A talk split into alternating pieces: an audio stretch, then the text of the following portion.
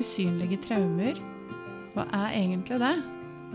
For meg så tror jeg det handler om de traumene som på en måte ikke blir sett. For barndomstraumer som det er med vold og seksuelle overgrep og sånne ting, er jo veldig tydelig at det er traumer. Men en liten slengkommentar, mobbing på skolen, eh, betinga kjærlighet, det å ikke bli møtt på følelsene sine, det å bli overbeskytta, det er også traumer. Så dette vil jeg prate mer med ei dame som har skrevet en bok om nettopp dette med usynlige traumer. Velkommen til godstolen, Hilde Eeg Foss. Takk skal du ha. Så Veldig koselig å bli invitert. Ja, så bra. Så hyggelig at du hadde lyst til å bli med. Jeg har jo blitt veldig eh, imponert over boka di, for du har jo skrevet den boka 'Usynlige traumer'. Og det er jo det som gjorde at jeg kjente at oh, de har jeg lyst til å ha med i en podkastepisode. Og jeg tenker vi skal snakke litt om eh, ja, dette med usynlige traumer. Barndomstraumer som kanskje ikke andre ser på som barndomstraumer. da. Og, og hvordan måten hun blir møtt på som liten, måten hun blir snakka til på som liten, hva han lærer, og hva han drar med seg videre inn i voksenlivet. Ja. Mm. Eh, vil du først på en måte si litt sånn om deg sjøl? Hvem er Hilde? Sånn at lytteren kan bli litt sånn kjent med deg? Ja, det kan jeg jo starte med. Eh, jeg er uh, ei dame som bor i Engerdal, på et lite småbruk. Ja. Eh, har bodd der i ja, 30 år, tenker jeg. Eh, nå er jeg 55, så jeg, har, jeg er født og oppvokst i Oslo. Men eh, bodd flere år her enn jeg har i Oslo, da. Ja. Så eh, er jeg veldig glad i dyr. Eh, Jeg eh, har hund, hadde hatt hund i mange år. Og jeg er jo hestejente òg. Vokst opp med hest og har hatt hest også som voksen i mange år. Mm. Og veldig glad i å være ute i naturen Ja. eh, med dyra også, da. Jeg har også utdannet hunden min til terapihund. Du har det, ja? ja? Så er du kjent med litt sånn pelsdyrterapi da, eller? Eller altså eh, dyreterapi? Ja. Så du bruker det i, eh, i møte med andre? ja. Ja. Så bra. Merker du at det gir en For, det er jo merka sjøl med både min egen hund og andre dyr, er jo på en måte at det gir en slags ro. Det er jo de der De dømmer deg ikke, de aksepterer det for den du er Mm. uansett, på en måte. Det er akkurat det som jeg syns er så fint med dyr, da. Ja. At de eh, eh, Du kan fortelle dem eh, hva, de, hva du vil, for de forteller det ikke videre til noen. Nei. Og Samme hva slags eh, følelser jeg har, så uh, tar de imot det og tåler det som jeg kommer med. Ja, Så jeg trenger sant? ikke å ta meg sammen eller eh, late som jeg har det bedre enn jeg har det. Trenger ikke på en måte å ha på deg den derre maska. Nei. Nei. Kan bare være deg. Ja. Så fint. Og hunden min, han er akkurat like glad i meg og like ivrig og uh, tar kontakt uansett åssen humør jeg er i, liksom. Så Mm. eh, det er veldig godt å bli, bli tålt av et annet vesen på, på den måten, da. Ja, ikke sant? Uten filter. Mm. Jeg lurer på en ting, Hilde. Eh, hva, hva var på en måte bakgrunnen for at du hadde lyst til å skrive boka di? Ja, eh, den prosessen med å Fra å tenke tanken eh, om å lage en bok til å faktisk eh, sitte med boka i hånda nå, det har vært en veldig lang prosess for meg. Ja. Eh, jeg starta jo min endringsreise, kan du si, innen psykisk helse når jeg hadde et opphold på Modum Bad i 2015. ja. Og da jeg kom ut derifra, så var hele livet snudd på hodet. Eh, hadde lært så mye ja. om eh, hva jeg sjøl kunne gjøre for å få det bedre. Eh, å få støtte på det, og opplevd at det virka. Mm. Eh, og jeg syns det var rart at jeg da som 50 år, 49-åring eller noe sånt, eh, skulle oppleve at jeg hadde vært i helsevesenet i så mange år. I kommunal tjeneste, i spesialisthelsetjeneste, uh, akuttinnleggelse, alt mulig. Uh, uten å lære det som jeg lærte på Modum Bad, som faktisk hjalp. Ja. Uh, og da tenkte jeg wow, dette må andre få vite. Ja. Mm. For eh, hvis den skal gå litt sånn inn i boka, da, så handler jo det om, som du sier, din endringsreise. Eh, for boka starter jo med at du på en måte Historien din starter med at du kommer til Modum Bad, gjør det ikke? Ja. Eh, og usynlige traumer eh, Hva tenker du Altså, hva, hva, hva mener du med usynlige traumer? Mm. Em, ja, eh, det er jo um, For min del så handla det jo om uh, mange år med behandling i psykisk helsevesen eh, uten å ha noe klar formening om Jeg fikk aldri noe svar på hva som var problemet mitt. Nei. Jeg fikk ikke noe tydelig svar på Jeg hadde På hva som var diagnosen min. Mm. Eh, eller om jeg hadde en diagnose. Hva legen tenkte i forhold til om jeg kunne bli frisk, eller om jeg kunne komme ut i jobb igjen. Fikk ikke noe svar. Det var bare ull. Ja? Ullende svar. Um, så det var lite konkret. Og når jeg søkte meg til Modum Bad, så hadde jeg jo seks forskjellige diagnoser liggende i fastlegejournalen min, da. Såpass, ja. Ja. Eh, Så det var veldig overraska. Det visste ikke jeg om i det hele tatt. Ingen som har på en måte sagt det, eller ikke fått visst om det? Oi. Så uh, 'Usynlige traumer', den tittelen, uh, undertittel 'Fanget av følelser', er vel egentlig det som Ja. beskriver de usynlige traumene for min del. da. Mm. At jeg følte meg fanga av følelsene mine. Jeg følte meg fanga i en type tilværelse hvor jeg ikke fikk til noen ting. Mm. Jeg klarte ikke liksom det å være menneske. Nei. Jeg fiksa ikke det. Eh, kunne ikke ha jobb, klarte ikke å ha noen relasjoner. Eh, det var mye som eh, ikke fungerte. Og stadig vekk i enkeltsituasjoner med andre mennesker så opplevde jeg at jeg følte meg eh, mindreverdig eller dårligere enn dem. Jeg klarte ikke det samme som andre, sammenligna meg hele tiden. Mm. Jeg kom til kort på alt, liksom. Ja. Eh, og det var fryktelig tungt Ja, å kjenne det. på det. ja. Mm. For um, når jeg så den tittelen, 'Usynlige traumer', så for min del, hvis jeg skal si noe om hva jeg tenker rundt det, så er det jo veldig ofte at jeg opplever at um, barndomstraumer, når folk skal snakke om det, så er det litt de store, voldsomme ikke sant, seksuelle overgrep, vold, misbruk, sånne type ting, som er incest og sånn, som er på en måte barndomstraumer.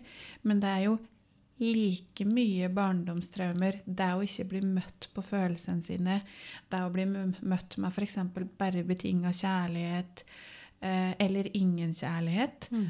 At det, det er mer de der skjulte eh, traumen. Da. For når jeg får folk i terapistolen, så sier de at Nei, jeg har hatt en helt vanlig barndom, som alle andre sikkert.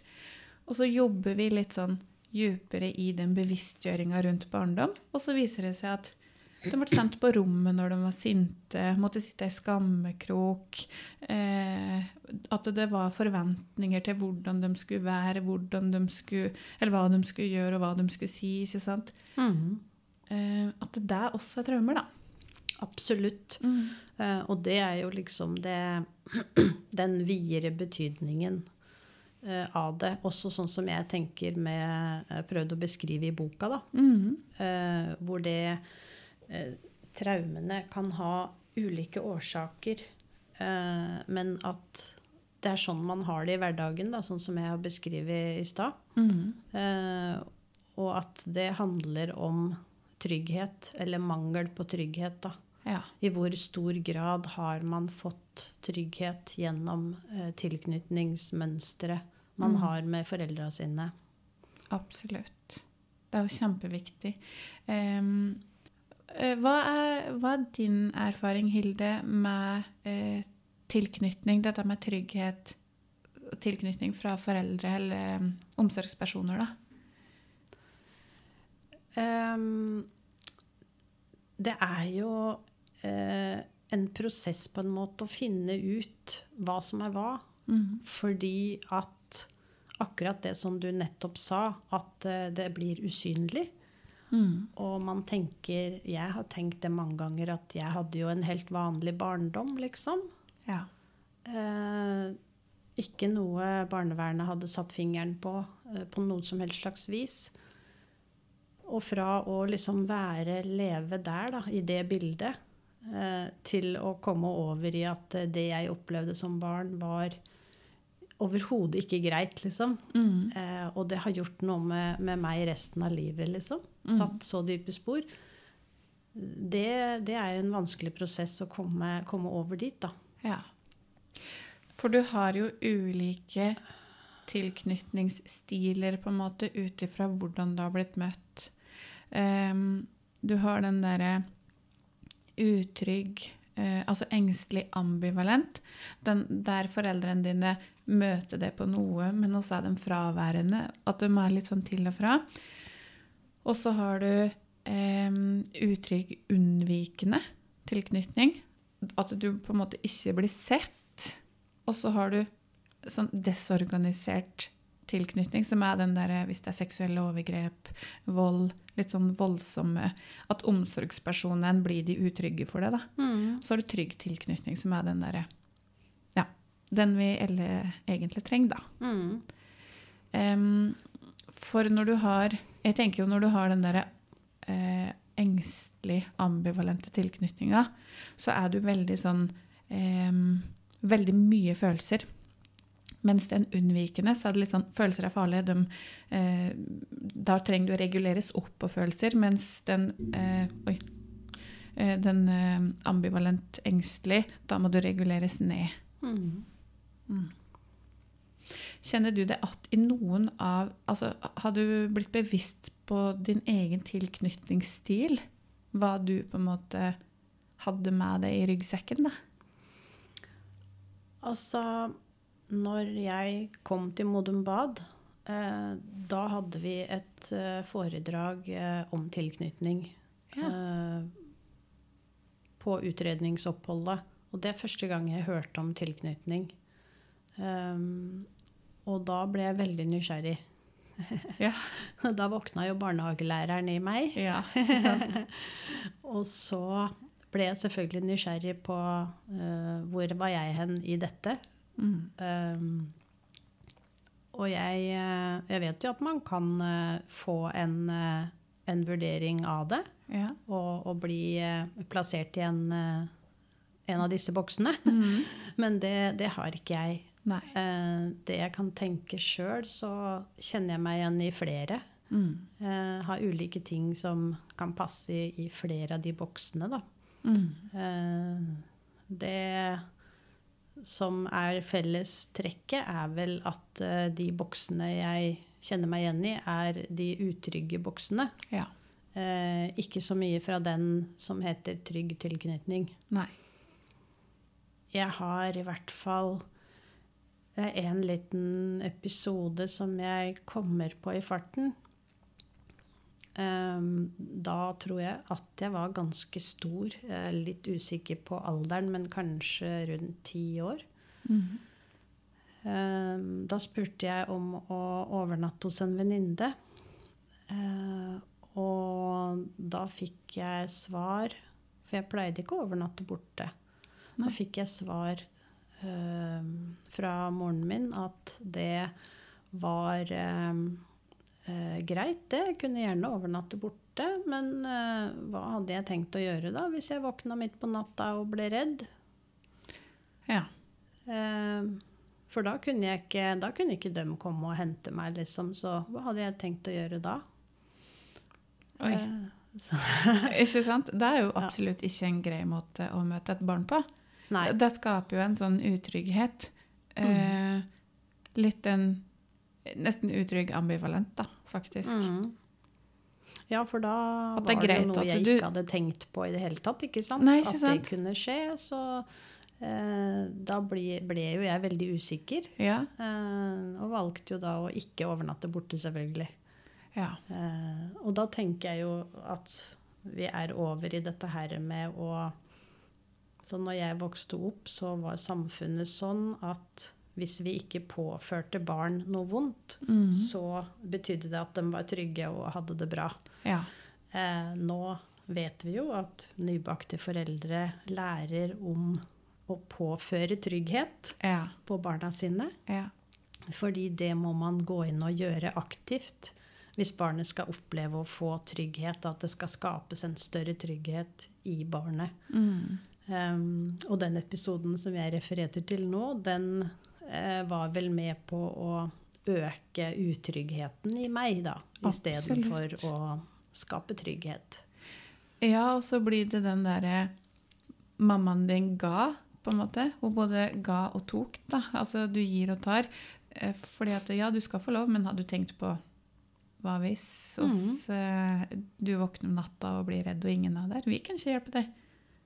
Ikke sant? Den derre ehm, ja, litt sånn ambivalente Du er trygg, men utrygg. Mm. Ja, og Mm. jeg tenker jo at det, det, ja, det er med på å skape mer eh, utrygghet. Det bare Veldig. nører oppunder det, liksom. Ja. For det er jo, eh, når vi er inne på dette med trygghet og utrygghet, da så er det jo også eh, Jeg mener på at du hadde skrevet om det i boka, denne trygghetssirkelen. Mhm. Circle of Security. Stemmer. Eh, trygge basen og den trygge havnen, da. Og da, eh, sånn som jeg ser det, så var, fikk jo ikke du den trygge basen. Det, jeg fikk ikke støtte på å prøve meg ut i verden eh, for å utforske mm. hvordan jeg ville klare meg eh, uten mamma og pappa på natta, da. Ja. Um, men eh, jeg var jo Det ble jo lagt opp til at jeg skulle velge å bli hos dem. Ja. eh, I den trygge havna. Ja, ikke sant. Så de skulle ikke velge det for meg, men de nærmest manipulerte til at ja. jeg skulle velge det, da. Ja, Eh, og det gjorde jeg jo hver gang. Ja. Når du da var på Modum Bad ehm, Du fikk en sånn bevisstgjøring på som du ikke var helt klar over, i forhold til tilknytning, i forhold til altså, hvordan du har hatt det i barndommen, da. Ehm, var det på en måte altså gjorde, Var det noen aha-opplevelser? Noe sånt som du husker veldig tydelig? Enkeltepisoder, tenker du på? Ja. Ja, dem var det vel eh, antagelig veldig mange av. ja. Jeg kommer ikke på noe akkurat i farten. Nei. Um, det var vel uh, kanskje ikke en aha-opplevelse sånn uh, som et øyeblikk, men ehm, etter hvert som oppholdet uh, gikk, så ble jeg veldig aktivert i eh, angst og skam. Ja. Eh, det var akkurat som at det å Eller det vet man jo fra før òg, at hvis den pirker borti, så blir det ikke borte. Det kommer bare dobbelt tilbake Ja. i begynnelsen. Mm. Så det var vel litt det jeg opplevde Ja. jeg ser på det i ettertid. eh, at jeg hadde veldig mye eh, sterke angstanfall Eh, i eh, forskjellige gruppesituasjoner. Uh, der vi skulle møtes og ha gruppeterapi eller uttrykksterapi og sånne ting. Ja. Og da var det en gang som jeg skulle gå til timen. Og vi bodde jo i et eget bygg et stykke unna der vi skulle ha undervisning. Så var et stykke å gå. Og når jeg nærmer meg døra til eh, undervisningsbygget der, så eh, fryser jeg fast bare i hele kroppen. ja. Jeg klarte ikke å røre meg, jeg klarte ikke å ta i dørhåndtaket. Jeg bare sto og stirret på døra. Uh, ble vi stående der, jeg vet ikke, kanskje en halvtime. Såpass, ja. Uh, det var ganske lenge. Ja. Eh, det var kaldt ute. Dette Ja. var jo på vinteren. ja. Så jeg, men jeg sto nå der, og, og da jeg klarte etter hvert å åpne døra gå inn i gangen, så klarte jeg nesten ikke å gå oppreist. Det var helt sånn Men da, da fikk jeg en eller annen forståelse av at eh, nå er det Nå er det Hvis du skal kjempe, så er det nå. ja. Ikke sant? Ja. Det var ikke liksom snakk om å gå på rommet og grine. Nei. Men eh, da skjønte jeg liksom det at nå måtte jeg ta i litt ekstra. Ja. Så da nesten, nesten krabba jeg eh, ned trappa og bortover gangen og inn i det rommet vi skulle være, da. Hvor de andre holdt på, selvfølgelig, for dette hadde jo begynt for lenge siden. Eh, og fikk da, da eh, en av eh, de ansatte til å holde meg i hendene. Ja. Så han bare sto foran meg og holdt. Han sa det etterpå at eh, 'du holdt så hardt, Hilde', sa han. 'Du holdt så hardt'. Ja. Jeg har aldri opplevd noe sånt før. Og det, det merka jo ikke jeg, da. Nei. Eh, men jeg på en måte ga han det jeg Ja. hadde, da. Ja. Eh, når jeg kom inn der. Det var veldig sånn sterkt, men da, Ja. da eneste måten å klare å roe det ned på, da. Mm. Og så etterpå så skjønte jeg jo kanskje at det, det, var riktig det jeg hadde gjort. Da, at jeg hadde tatt kampen der og da, liksom. Ja. For å prøve å vinne over den angsten, da. Ja. For du har jo skrevet i boka om eh, toleransevindu, for det er jo etter hvert en som du har brukt litt. Em, og var det det at du da var i den freeze-modus, altså i litt sånn under toleransevinduet ditt når du skulle inn døra, da? Og at hen på en måte da Det å stå der og holde det i hånda hjalp det til å komme inn igjen i Mm. eh, normalsjiktet i, i toleransevinduet, eller igjen i toleransevinduet ditt? Um, ja. Men jeg er veldig usikker på om jeg var over eller under vinduet. Ja. Um, opplever vel kanskje at angst mer er en sånn overaktivering. Men jeg er veldig usikker på det. Ja, for det var jo frys. Ehm, sånn ehm, Hadde du på en måte Var du litt sånn overaktivert før du kom til døra, tror du? Eh, det var jeg nok. Ja. For dette, er jo, dette var jo noe jeg grudde meg til, den gruppeterapien. Så jeg var langt utafor vinduet lenge før jeg skulle til timen. Ikke sant? Ja. For det er veldig ofte at det på en måte eh, Først så kommer en i overaktivering, og hvis det, hvis det ikke fungerer med kamp eller flukt, så går du ned under vinduet, på en måte. da. Ja, det Og at du da bare stivna helt og bare ble stående der. mm. Så går det jo litt sånn inn og ut, både altså under og over, da. Ja. Mens det å holde hendene i hånda og få den tryggheten til å roe angsten, hjalp det å få det innad i vinduet, da. Mm. Mm. Det høres riktig ut, det. Ja. Mm. Verktøy, Hilde. Du har jo lært mye, ut ifra hva som står i boka, da, eh, lært mye på Modum Bad. Vil du si noe om eh, hva var det på en måte Altså hva har du lært, og, og hvordan har det hjulpet deg? Det er jo flere ting som, er, eh, som var veldig nyttig. Altså alt, egentlig, var jo nyttig av det vi fikk der. Um, det tok meg jo litt tid å sette det litt i system. Og det, skrive det ned uh, for å forstå uh, essensen av det og komme fram til noen punkter da, som etter hvert ble uh, mer eller mindre kapitlene i boka. da. Ja. Fordi det opplevdes så viktig alt, liksom. Mm. Eh, men en av de viktigste eh, tingene, det er jo å akseptere seg sjøl. Ja. Akseptere det som kommer, når det kommer, uansett hva det er som kommer. Mm. Tenke at man, man sjøl ofte er den strengeste dommeren. Ja. Men å akseptere seg sjøl først, så kan man etterpå øh, øve på at andre aksepterer det. Mm. Det man har. ja. Eh, Men jeg tror det er veldig mange som, eh, flere enn meg, som opplever at det, det å være liten og skulle eh, ikke bli tålt med Mm. sine følelser, som ofte er sterke og uregulerte hos barn, da. ja. sterke følelsesuttrykk, på godt og vondt. Eh, og det kan eh, Hvis man som barn lærer at voksne tåler ikke mine følelser, Mm. så legger man litt lokk på de. Mm. Og når man da som voksen skal begynne å hjelpe seg sjøl, så kan det være fryktelig vanskelig å lette på det lokket for å se hva som er oppi der. For det er jo de sterke, uregulerte følelsene man hadde som barn. Så de kan komme ganske kraftig til uttrykk. Mm. Som jo òg kan gjøre at man som voksen føler seg utilpass i forskjellige situasjoner, fordi følelsen kommer med full, full trøkk når den kommer. Mm. Jeg vet ikke om det var svar på spørsmålet. Ja, ja, jo, jeg tenker det. For i, i boka da, så har du jo om eh, Du skriver om toleransevindu, blant annet. Eh, og du har også litt sånn om den tredelte hjernen.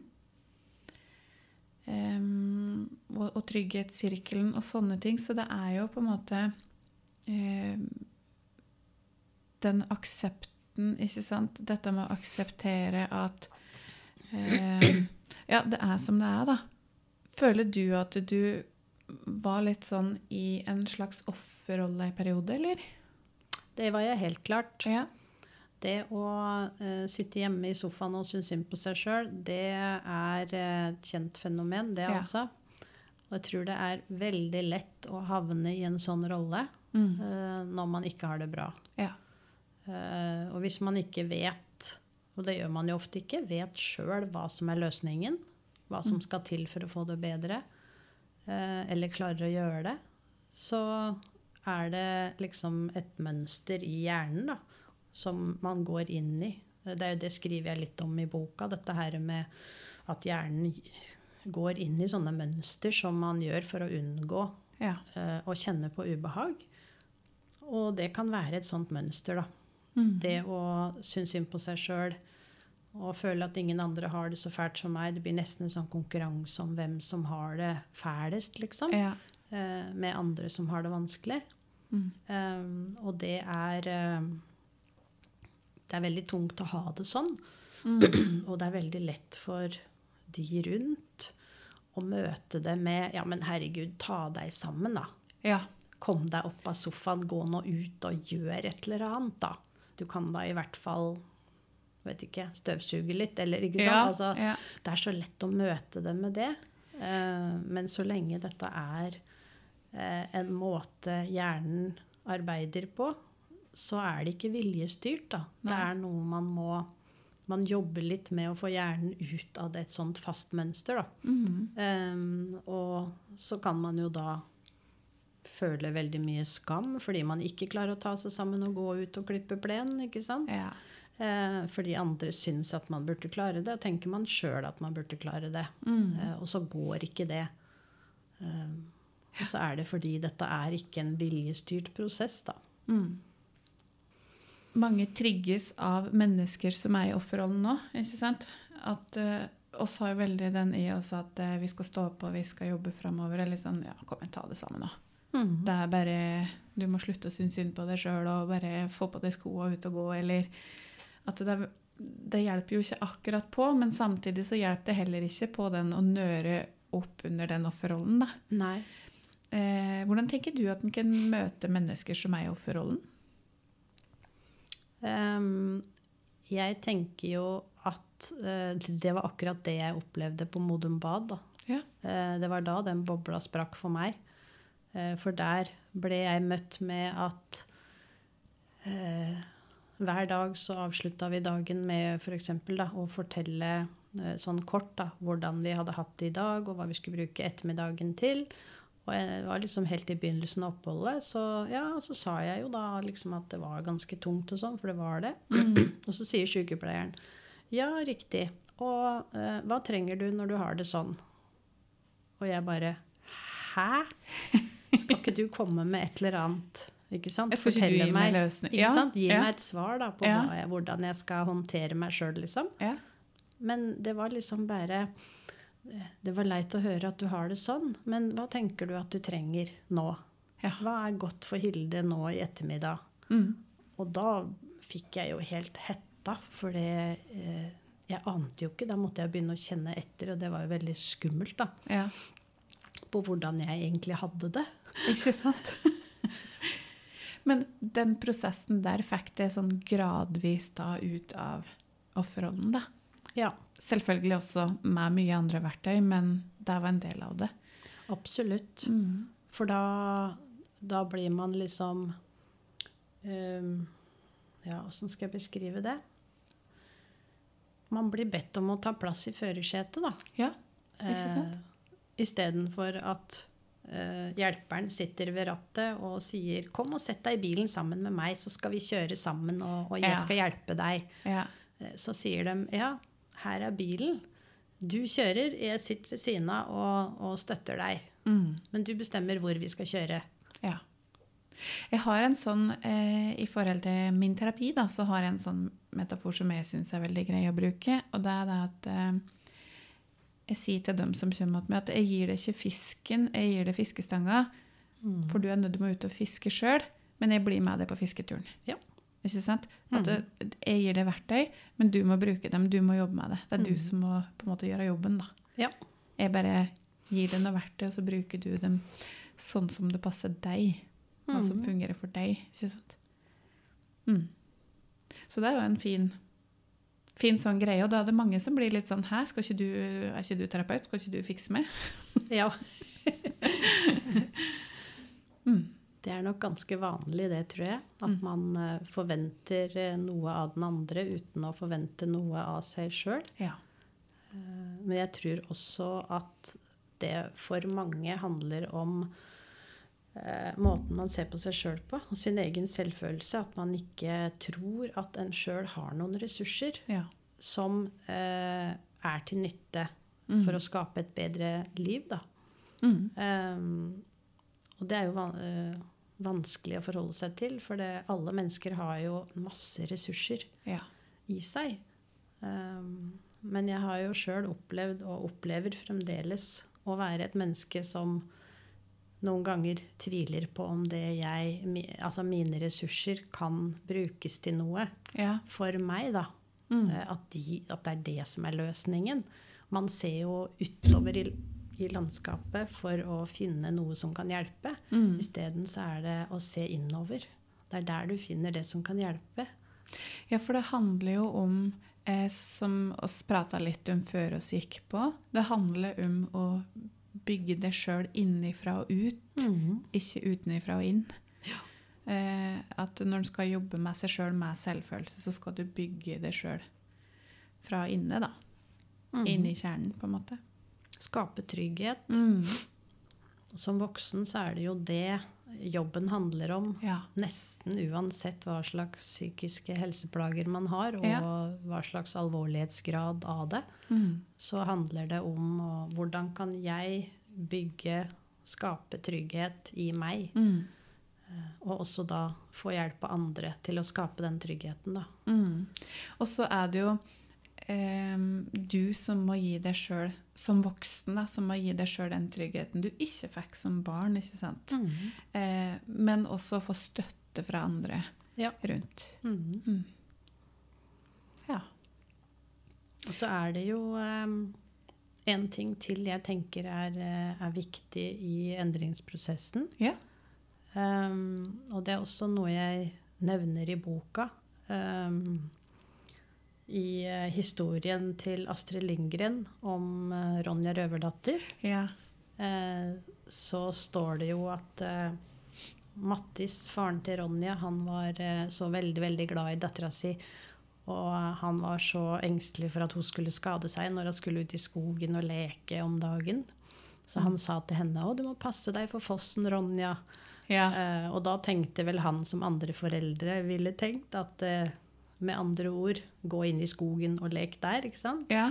Mens Ronja da går til fossen og øver seg på å passe seg for fossen. Ikke sant? Man kan jo ikke øve seg på det langt unna i fossen. skogen. Nei, ikke sant? Ja. Og det syns jeg er et veldig godt bilde på hvordan man kan uh, håndtere en endringsprosess da, Ja. for å få uh, noe ut av det. Ja. Uh, det er også hvis man sitter i sofaen og, sofaen og eventuelt syns synd på seg sjøl, men i hvert fall ikke foretar seg noe, så kommer man heller ingen vei. Nei. Man må liksom gå ut og øve der det er noe å øve på. Ja, og det handler jo sikkert litt sånn om eksponering der òg, tenker jeg. Ja. For eh, eh, i, når jeg jobber med selvfølelsen, så bruker jeg også atferdseksperiment. Dette med å teste ut eh, kjerneantagelser i forhold til dette med å tørre å si meningen sine, øve på å si nei. ikke sant? Hva skjer med meg når jeg sier nei? Hva ser jeg i andre? Eh, Hvilke følelser kommer jeg i kontakt med? Altså, Mhm. Em, for det er jo da du em, får en endring, da, som du sier. Endringsprosessen. Mm. Ikke ved at du sitter i sofaen alene og øver på å si nei. Det hjelper jo ikke. Du må jo ut og teste der du Ja. F.eks. den fossen, da. Ikke sant? Ja. Mm. Det er akkurat det. Man må oppsøke de arenaene i livet som man eh, syns er vanskelig, Mm. og øve der. Ja. Eh, Men så er jo selvfølgelig tilbake til toleransevinduet igjen. Da gjelder det å, å øve på, på grensen av toleransevinduet, ikke langt utafor. Sånn som den uh, historien jeg fortalte fra Modum, da. Ja. Var, var Ja. litt i overkant langt utafor, da. Ja. Mm. Ja. Eh, har du Har du noe mer Har du noe du har lyst til å formidle eh, til noen som kjenner seg litt att i det vi har snakka om i dag? Jeg ønsker jo så veldig gjerne at folk som sitter og hører på dette her og, og syns at livet er vanskelig, kan eh, få oppleve og tro på at det faktisk fins håp. da. Mm. At det går an å skape endring. Mm. Så bra. Og det er, Ja. Og troen på endring Altså, endring er jo et veldig nøkkelord, tenker jeg. Em, at det er faktisk mulig. Det finnes håp. Det gjør det. Mm. Du er jo et levende bevis på det. Ja. Jeg og mange andre. Du og mange andre. Ja. Mm. Eh, jeg vet jo at du har fått en veldig hyggelig mail i dag. Eh, Det stemmer. Der må du dele. Ja. Ja. Jeg har eh, foretatt en henvendelse til Modum Bad for å spørre om eh, boka mi kan eh, bli vurdert av dem til å få plass i nettbutikken deres. ja. Um, de har jo ikke så fryktelig mange bøker i nettbutikken sin. Det er veldig høy kvalitet på det de har der, da. Ja. Så jeg har vært veldig spent på det. Eh, Så i dag fikk jeg svaret på den henvendelsen. ja. Eh, Og den kan jeg lese opp. Mm. Det står Hei, Hilde. Da har jeg fått tilbakemelding fra vår traumeavdeling som gir boka di det de kaller et solid godkjentstempel. De mener at den inneholder kunnskap det er stort behov for, og synes dette formidles på en meget god og forståelig måte. Med dette som bakgrunn er det hyggelig å kunne bekrefte at boka blir å finne i vår nettbutikk så snart det er praktisk mulig. Gratulerer, Hilde. Så bra. Tusen, tusen takk. Ja.